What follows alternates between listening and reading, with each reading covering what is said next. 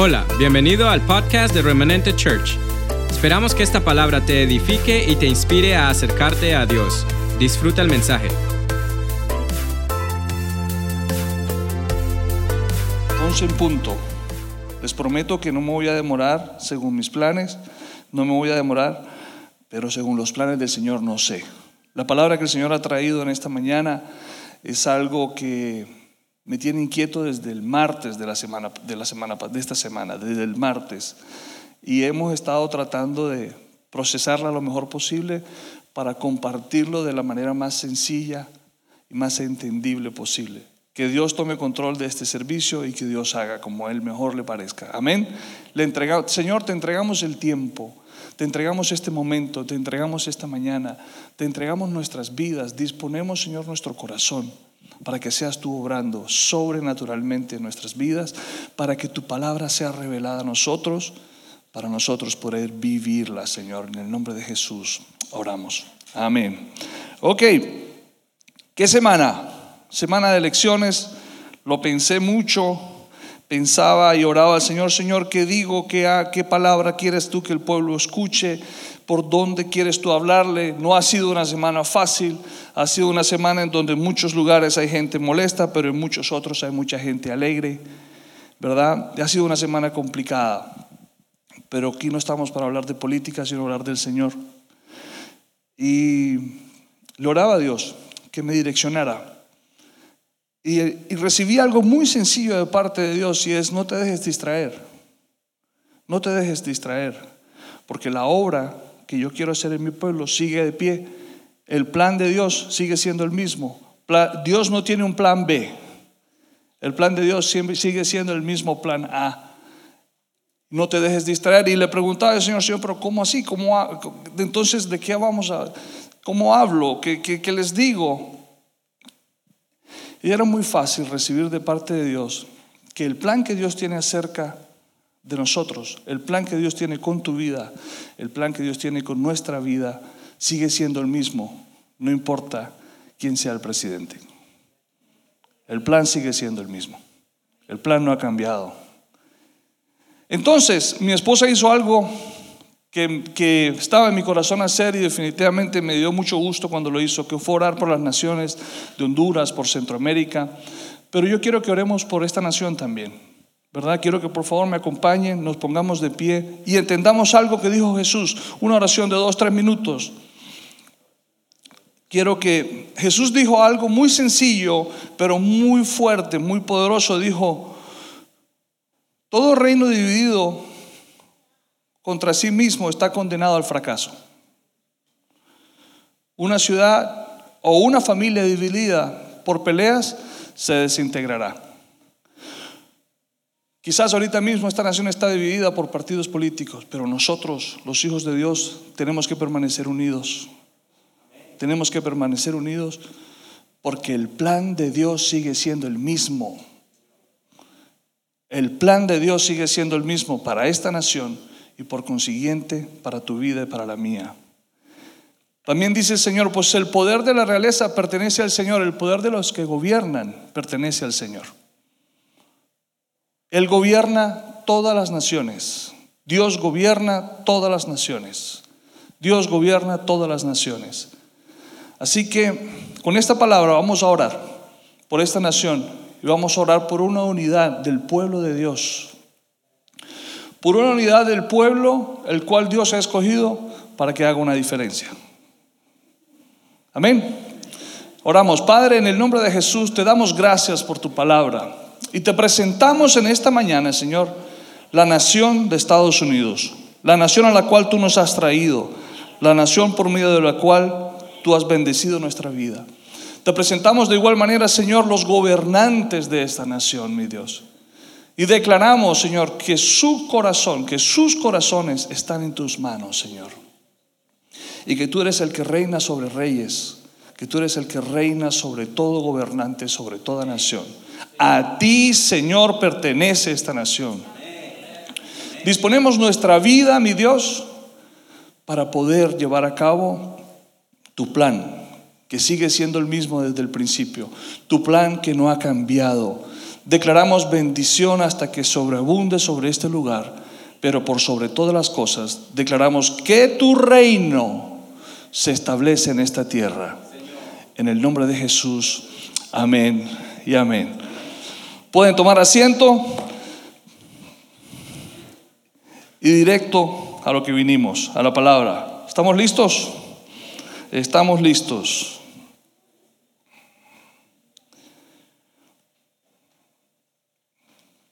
Vamos a hacer como Dios me dijo.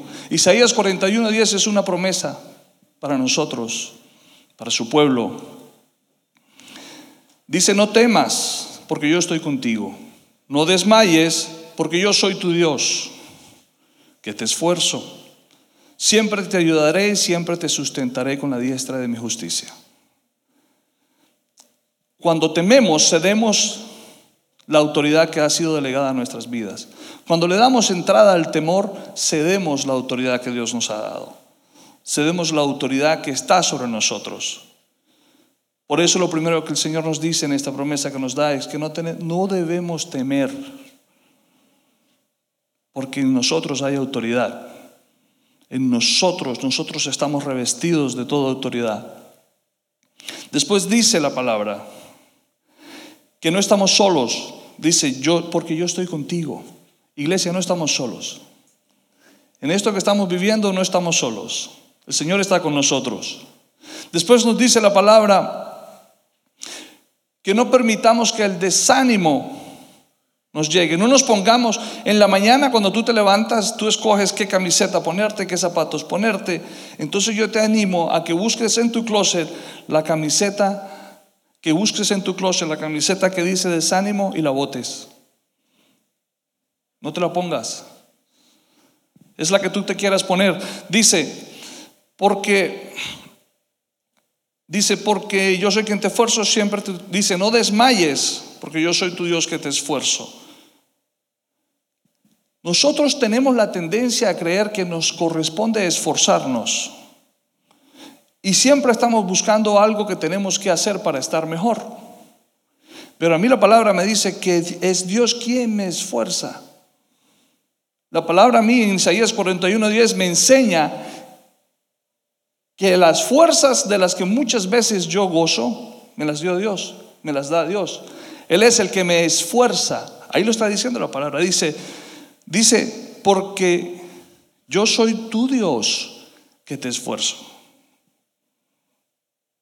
Y muchos vivimos con la carga de tener que esforzarnos. Muchos vivimos con la carga de tener que hacer algo. Y lo que más me gusta es cómo cierra y dice, siempre te ayudaré, siempre te sustentaré con la diestra de mi justicia. Siempre, siempre, siempre, siempre, siempre. Esa palabra, siempre, siempre. Su plan no ha cambiado, sigue siendo el mismo. Vivimos concentrados y dedicados en aprender lo que tenemos que hacer para estar mejor, para vivir mejor. ¿Qué tengo que aprender? ¿Qué tengo que hacer para ganar mejor? Para tener una mejor calidad de vida. Y, el enfoque nuestro en el día a día es ¿qué tengo que hacer? Bueno, ¿y ahora yo qué tengo que hacer? ¿Y qué es lo que tengo que hacer ahora? Cualquier situación que estamos viviendo enfrente, por nueva que parezca o por difícil que sea, Siempre existe la, pregunta, ¿qué tengo que hacer? Y nos enfocamos y buscamos eso que tenemos que hacer. No nos damos cuenta, no nos damos cuenta que buscando lo que tenemos que hacer nos perdemos. ¿En qué nos perdemos? En el enfoque de lo que Dios nos llamó a hacer. ¿Cómo nos vamos a encontrar si estamos perdidos? Nos vamos a encontrar cuando somos no cuando hacemos. El título de hoy es Perdidos en el hacer, encontrados en el ser.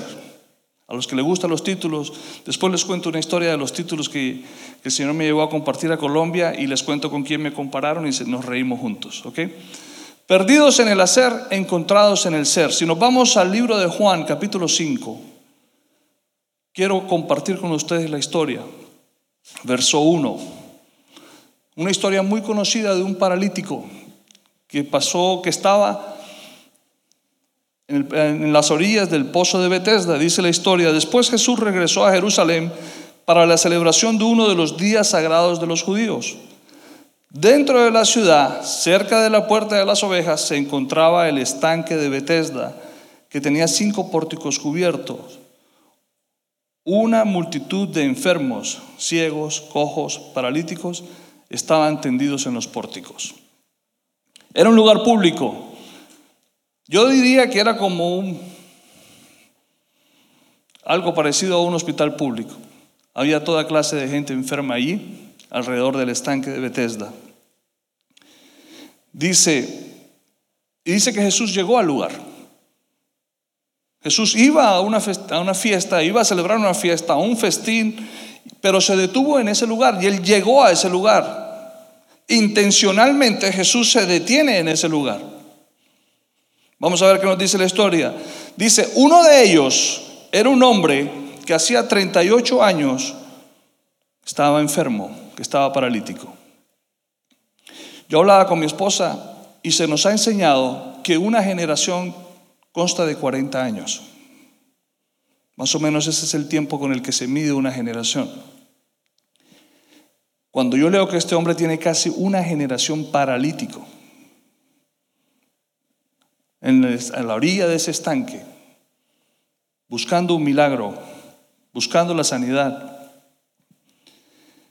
Entiendo que se le estaba yendo su tiempo. Entiendo que no había mucho, mucho, mucho, mucho más por hacer. Más adelante, cuando yo leo en la historia, me doy cuenta el hombre no nació paralítico. Porque Jesús se lo encuentra y le dice, no peques más porque puede que te suceda algo peor. O sea que lo que le sucedió, lo que él estaba viviendo, no había sido su estado original como él había nacido. O sea que este hombre tenía 38 años paralítico. No sé en qué momento hizo lo que hizo le pasó lo que le pasó, pero para mí apuntaba por ahí cerquita de la edad mía. Sus 55 años por ahí tenía ese hombre. Más o menos más o menos. Ya se le estaba yendo el tiempo. Y Jesús le dice, 30, o sea, yo pienso 38 años, enfermo, paralítico. ¿Cuánto tiempo hay personas que están enfermas y que están paralíticas en cierta área de su vida y que más o menos tienen esa edad? y que muy probablemente tienen 30, 25, 38 años paralíticos en esa área. Resignados quizás. Se han conformado quizás. 38 años es mucho tiempo. ¿Saben algo? Ese hombre tenía más años de, estar en el estado paralítico en el que estaba que la edad que Jesús tenía. Cuando Jesús nació ya ese hombre estaba paralítico.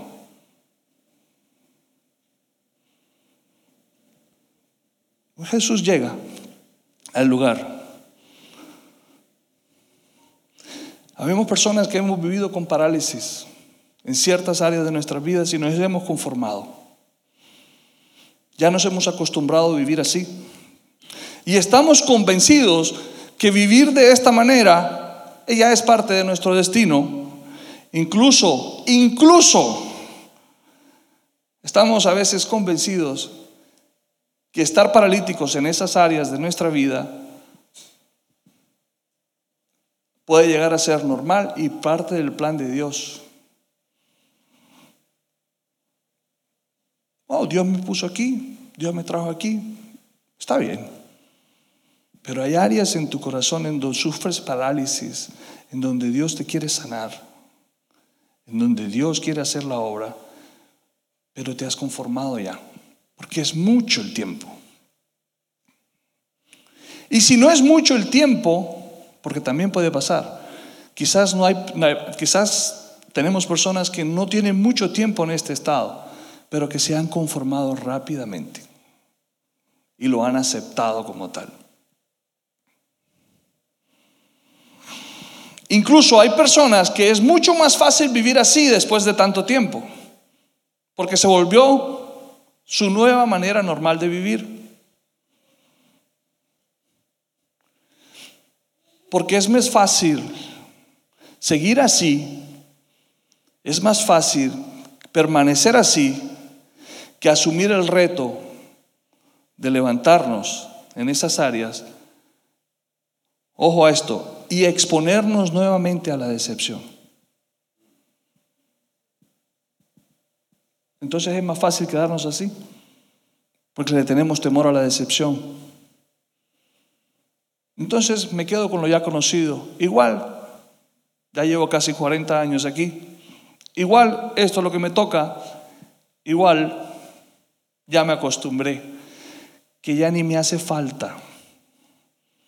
Pero en el fondo hay un temor a aceptar el reto porque no queremos ser decepcionados otra vez.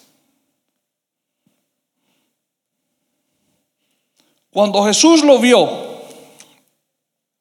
cuando Jesús vio a este hombre y supo que hacía tanto tiempo que padecía de esto, le preguntó, ¿te gustaría ser sano? ¿Te gustaría recuperar la salud? ¿Te gustaría? Pero me gusta algo que dice el verso, a mí me gusta, que dice que cuando lo vio y supo, si hemos entendido que Dios lo sabe todo y lo conoce todo, que es omnipresente, que es omnisciente, omnipotente, pero a mí la palabra me enseña que él tuvo que aprender, tuvo que darse cuenta. Lo que me enseña que cuando él llegó, empezó a preguntar por la gente que estaba ahí. Y empezó a averiguar qué tipo de personas estaban ahí. ¿Por qué estaban ahí? Porque cuando dice supo es porque estuvo preguntando. ¿Qué tipo de personas estaban allí? ¿Qué estaban haciendo allí? ¿Qué estaban esperando? Y entonces, y le cuentan la historia, habrían ciegos, enfermos, paralíticos. Entonces me imagino la cantidad de historias que Jesús escuchó, pero cuando escucha de un hombre de 38 años paralítico, yo me imagino que su corazón se conmovió. Yo me imagino que le llamó la atención inmediatamente. Y entonces se acerca y le pregunta, ¿te gustaría recuperar la salud? Te, pregunta Jesús hoy, ¿te gustaría vivir feliz? Te está preguntando el Señor hoy, ¿te gustaría bajar de peso? ¿Por qué no? ¿Te gustaría ser libre de todo sentimiento de depresión? ¿Te gustaría encontrar la respuesta hoy a lo que no sabes del por qué y cómo te sientes? ¿Te gustaría ser libre de la culpa? ¿Te gustaría? Porque puedes ser libre de toda culpa. Pero la pregunta es, ¿te gustaría o quieres, como está en otras versiones? ¿Te gustaría poder perdonar? ¿Te gustaría poder perdonar? Acuérdense que este hombre llevaba 38 años intentando ser sano, haciendo algo para ser sano. Lo que hablábamos en el principio, enfocado en lo que él tenía que hacer para ser sano. Perdido en el qué hacer del día a día para ser sano. ¿Qué es lo que tengo que hacer para ser sano? ¿Cómo hago para hacerlo para poder ser sano? ¿Cómo hago para hacerlo para poder ser levantado? ¿Cómo hago para hacerlo para poder vivir mejor? ¿Por qué le preguntaría el Señor si le gustaría? Para mí lo especial de esta pregunta hacia esta persona y hacia nosotros en esta mañana es que Dios definitivamente lo quiere sanar y nos quiere sanar. Pero lo que Dios, más allá de sanar el estado de parálisis que hay en nuestra vida, Dios quiere sanar nuestra voluntad. Nuestra voluntad, or will, como se dice en inglés. Nuestra voluntad. Porque a veces decimos que queremos, pero solo de dientes para afuera. Pero adentro no queremos. Porque a veces nuestra voluntad ya se acostumbró a vivir de esa manera, que lo que Dios necesita es sanar nuestra voluntad para poder alinearla con su plan A para nuestras vidas. Es nuestra voluntad lo que el Señor muchas veces necesita sanar. Sanando nuestra voluntad, levantándonos de todo estado de parálisis en nuestro corazón que hemos estado viviendo, en las diferentes áreas que hemos estado viviendo.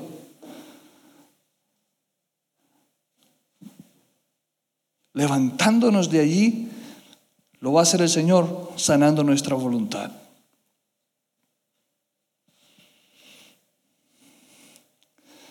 decepcionado quizás una y otra vez, una y otra vez, que ya no queremos.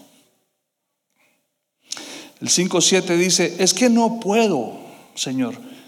Yo quiero decirte algo y quiero que seas libre de esto que te voy a decir.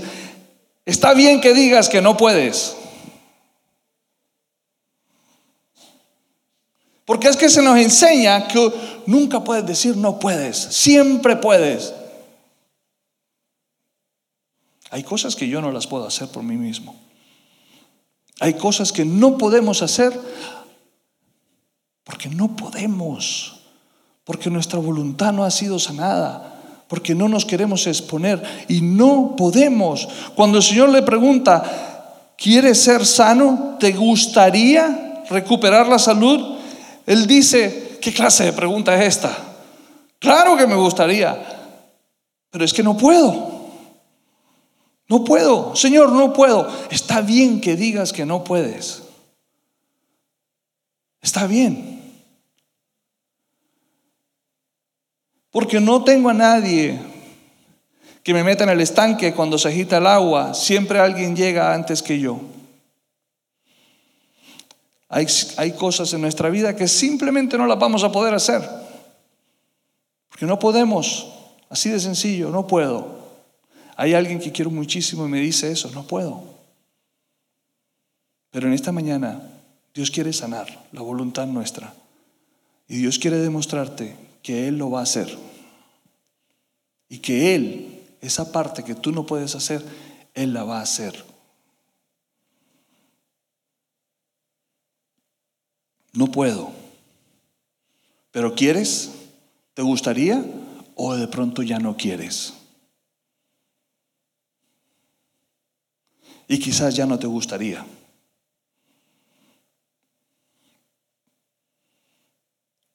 Quizás lo que verdaderamente está en, la, parálisis es la voluntad nuestra.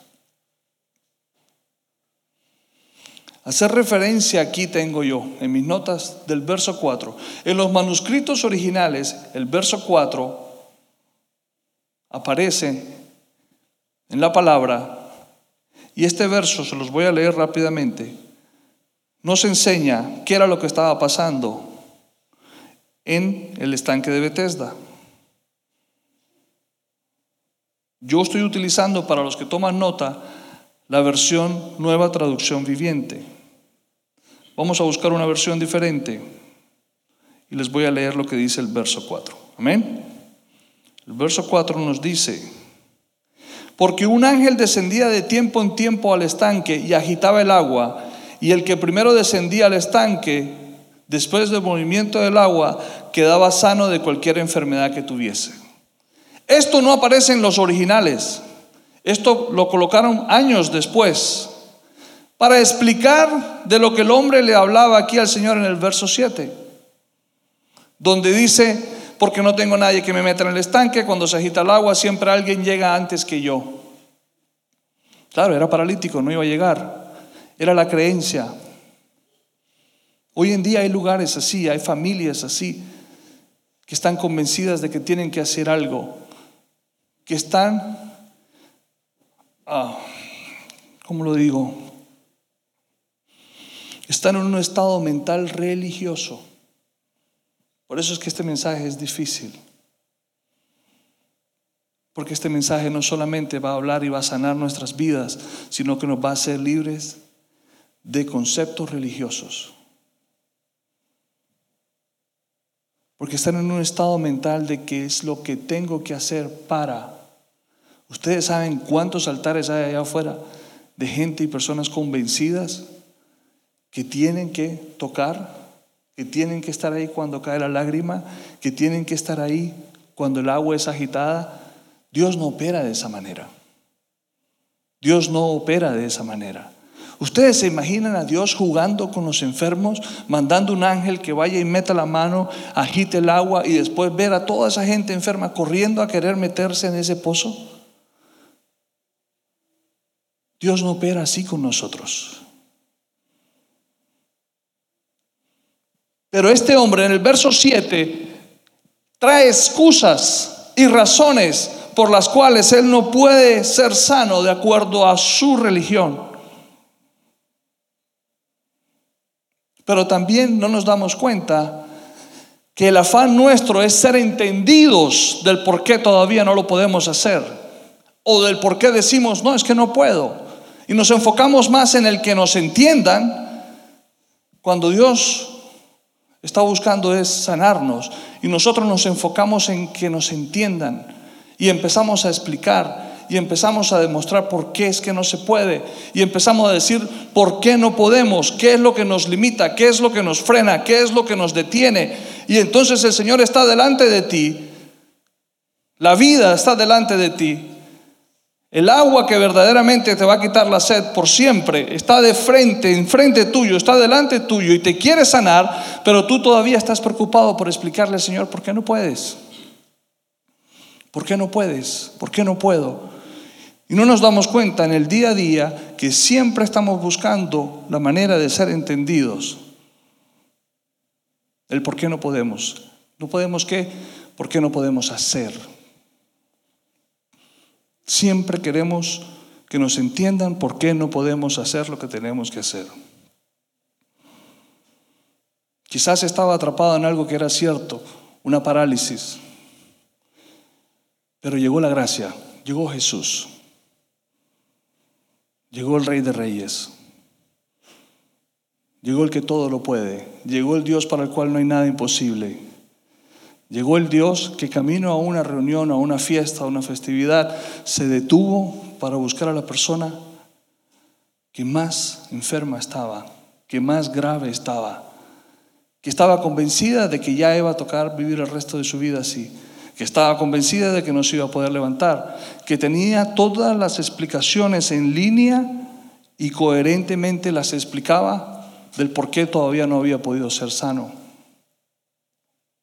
Pero llegó la gracia, pero llegó Jesús.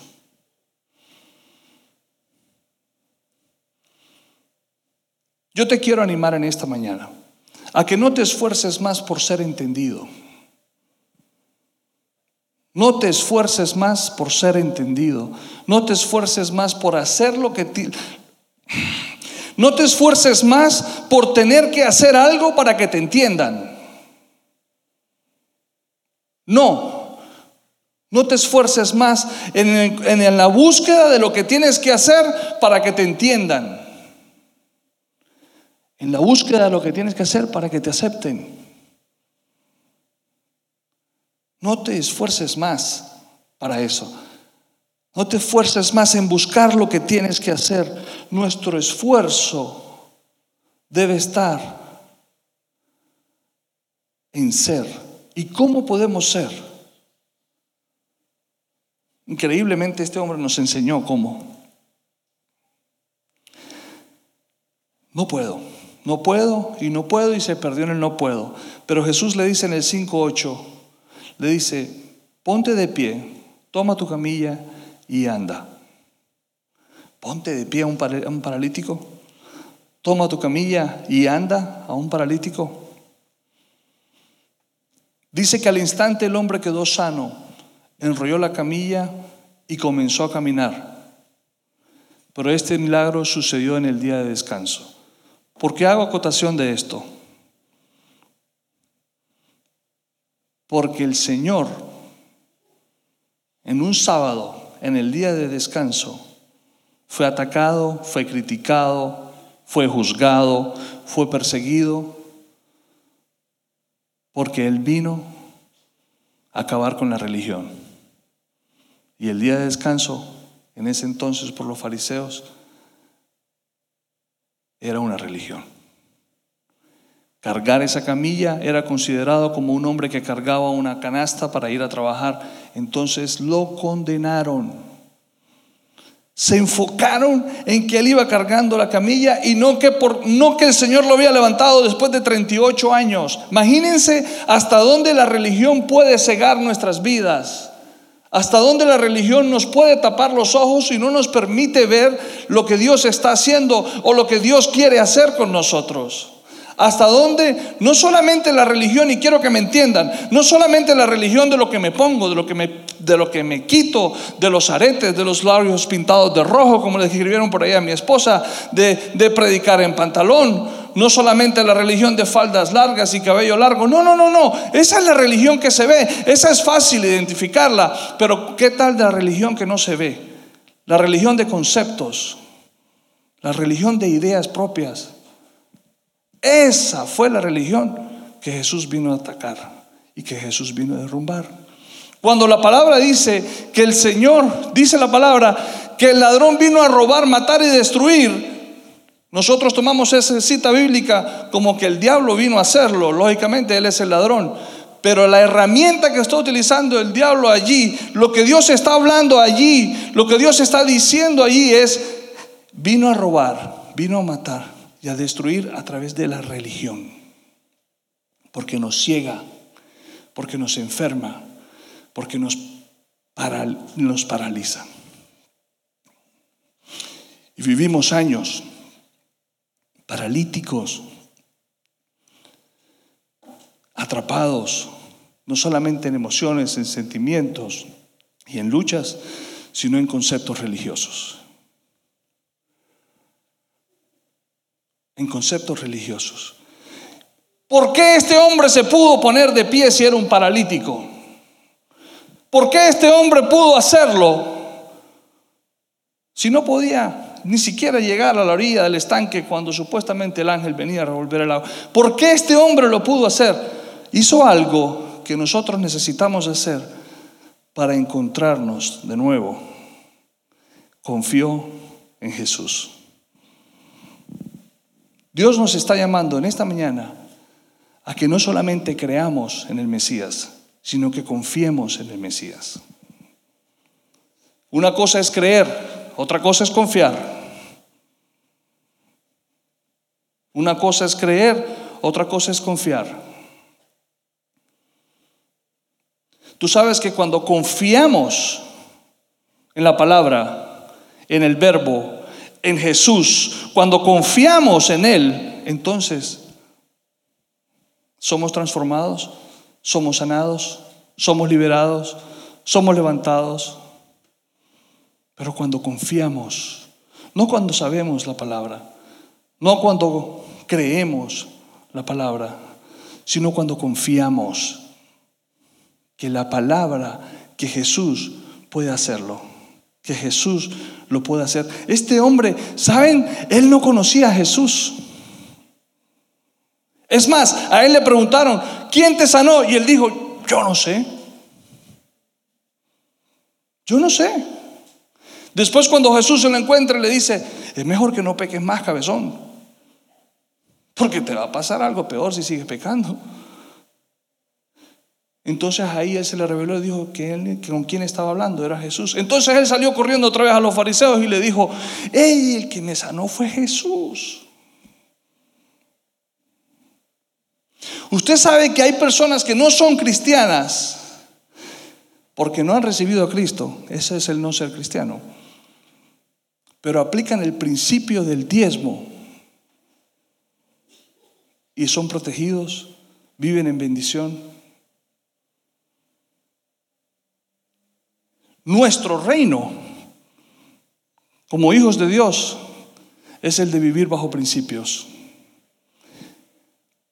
Confían en el principio del diezmo y son bendecidos.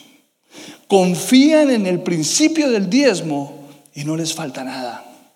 Confían en el principio del diezmo y viven en abundancia y en bendición y en prosperidad. Ojo, confían, no creen, confían. Confíen, confíen. Y Dios nos llama en esta mañana a que empecemos a confiar en Él. A que pensemos, a que empecemos a confiar o sigamos confiando en su plan, muy a pesar de quién es el gobernante en esta nación. Confiemos. Vamos a cerrar. Quiero que por favor se coloquen de pie. Vamos a orar. Quiero que me acompañen. Cuando él confió en Jesús, encontró la oportunidad de vida que él había pensado que ya no iba a existir, que ya no existía. Cuando él confió. ¿Te quieres encontrar? ¿Quieres sanar? ¿Te gustaría? No tienes que tratar de hacer nada más. Necesitamos confiar. Necesitamos confiar en el Maestro. Necesitamos confiar en Jesús. Necesitamos confiar en la palabra. Necesitamos confiar en su verdad. No solo creer, sino confiar. Confiar que Él puede sanar esas áreas. Confiar que Él puede sanar nuestra voluntad. Confiar que vale la pena tomar el reto para levantarme de nuevo. Confiar que las paredes de los conceptos religiosos alrededor de mi vida, Él viene y las derrumba, pero que no me deja expuesto porque Él viene y me protege. Confía, confía en lo nuevo que Dios tiene. Confía en lo que Dios te quiere dar. Confía en lo que Dios dijo de ti. Confía en su plan. Confía que no importa quién sea el gobernante, el gobernante de esta nación, Él es tu rey. Tu rey de reyes, tu señor de señores, tu padre. Confía que su plan, su plan sigue vigente. Ahora entiendo por qué yo estaba cargado con el deseo de traer un mensaje que pudiera ayudarnos en este tiempo de la política, del gobernante, del presidente. Y me doy cuenta que me estaba dejando confundir en qué es lo que tengo que hacer. Y yo tenía que venir a pararme en esta mañana aquí, primero siendo, primero con el deber de ser, para poder traer un mensaje transparente. Porque eso es lo que Dios quiere. No importa quién esté gobernando, Él gobierna sobre, sobre el que se siente en esa silla, Jesús gobierna sobre Él.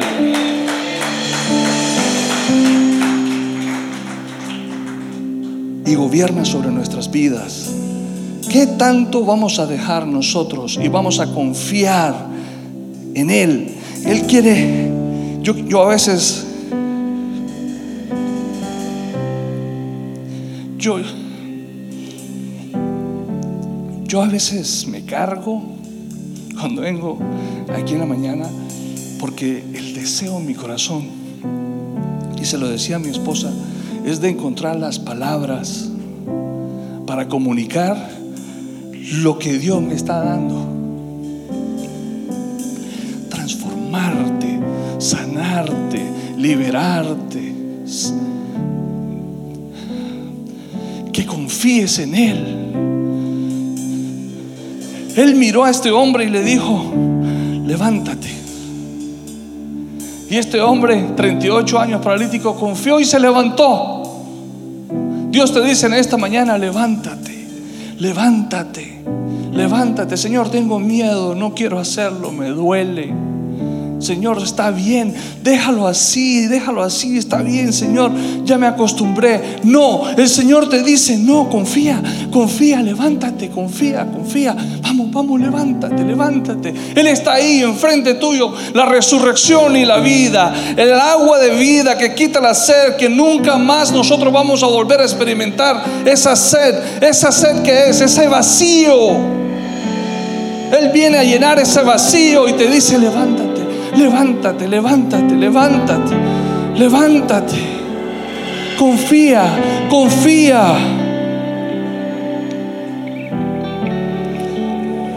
Nos hemos perdido en el hacer, mas en esta mañana hemos sido encontrados en el ser. Necesitamos ser sus hijos a través de la confianza de su palabra, de la confianza en lo que Él ha dicho. Romanos 9 dice en el verso 30, ¿qué significa todo esto?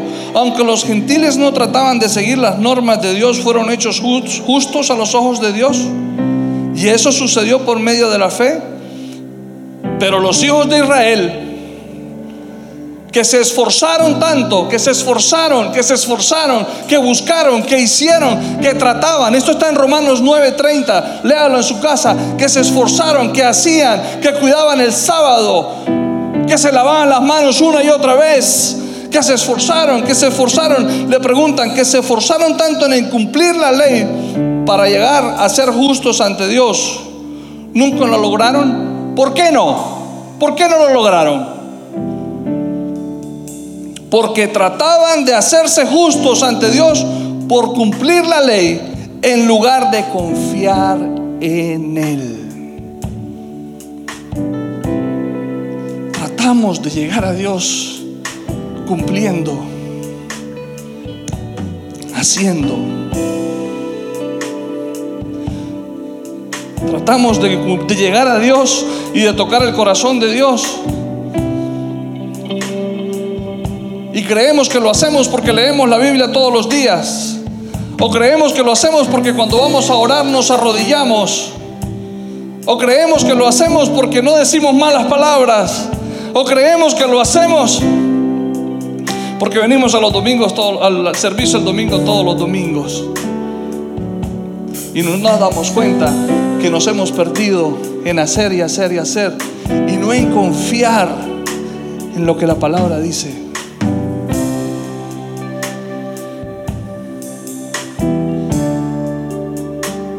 Porque trataban de hacerse justos ante Dios por cumplir la ley en lugar de confiar en Él. Tropezaron con la gran piedra en su camino. ¿Saben quién era esa piedra? Jesús. Tropezaron con la gran piedra en su camino. La religión no los dejaba ver. La religión los tenía paralíticos. Tenía cauterizada la voluntad.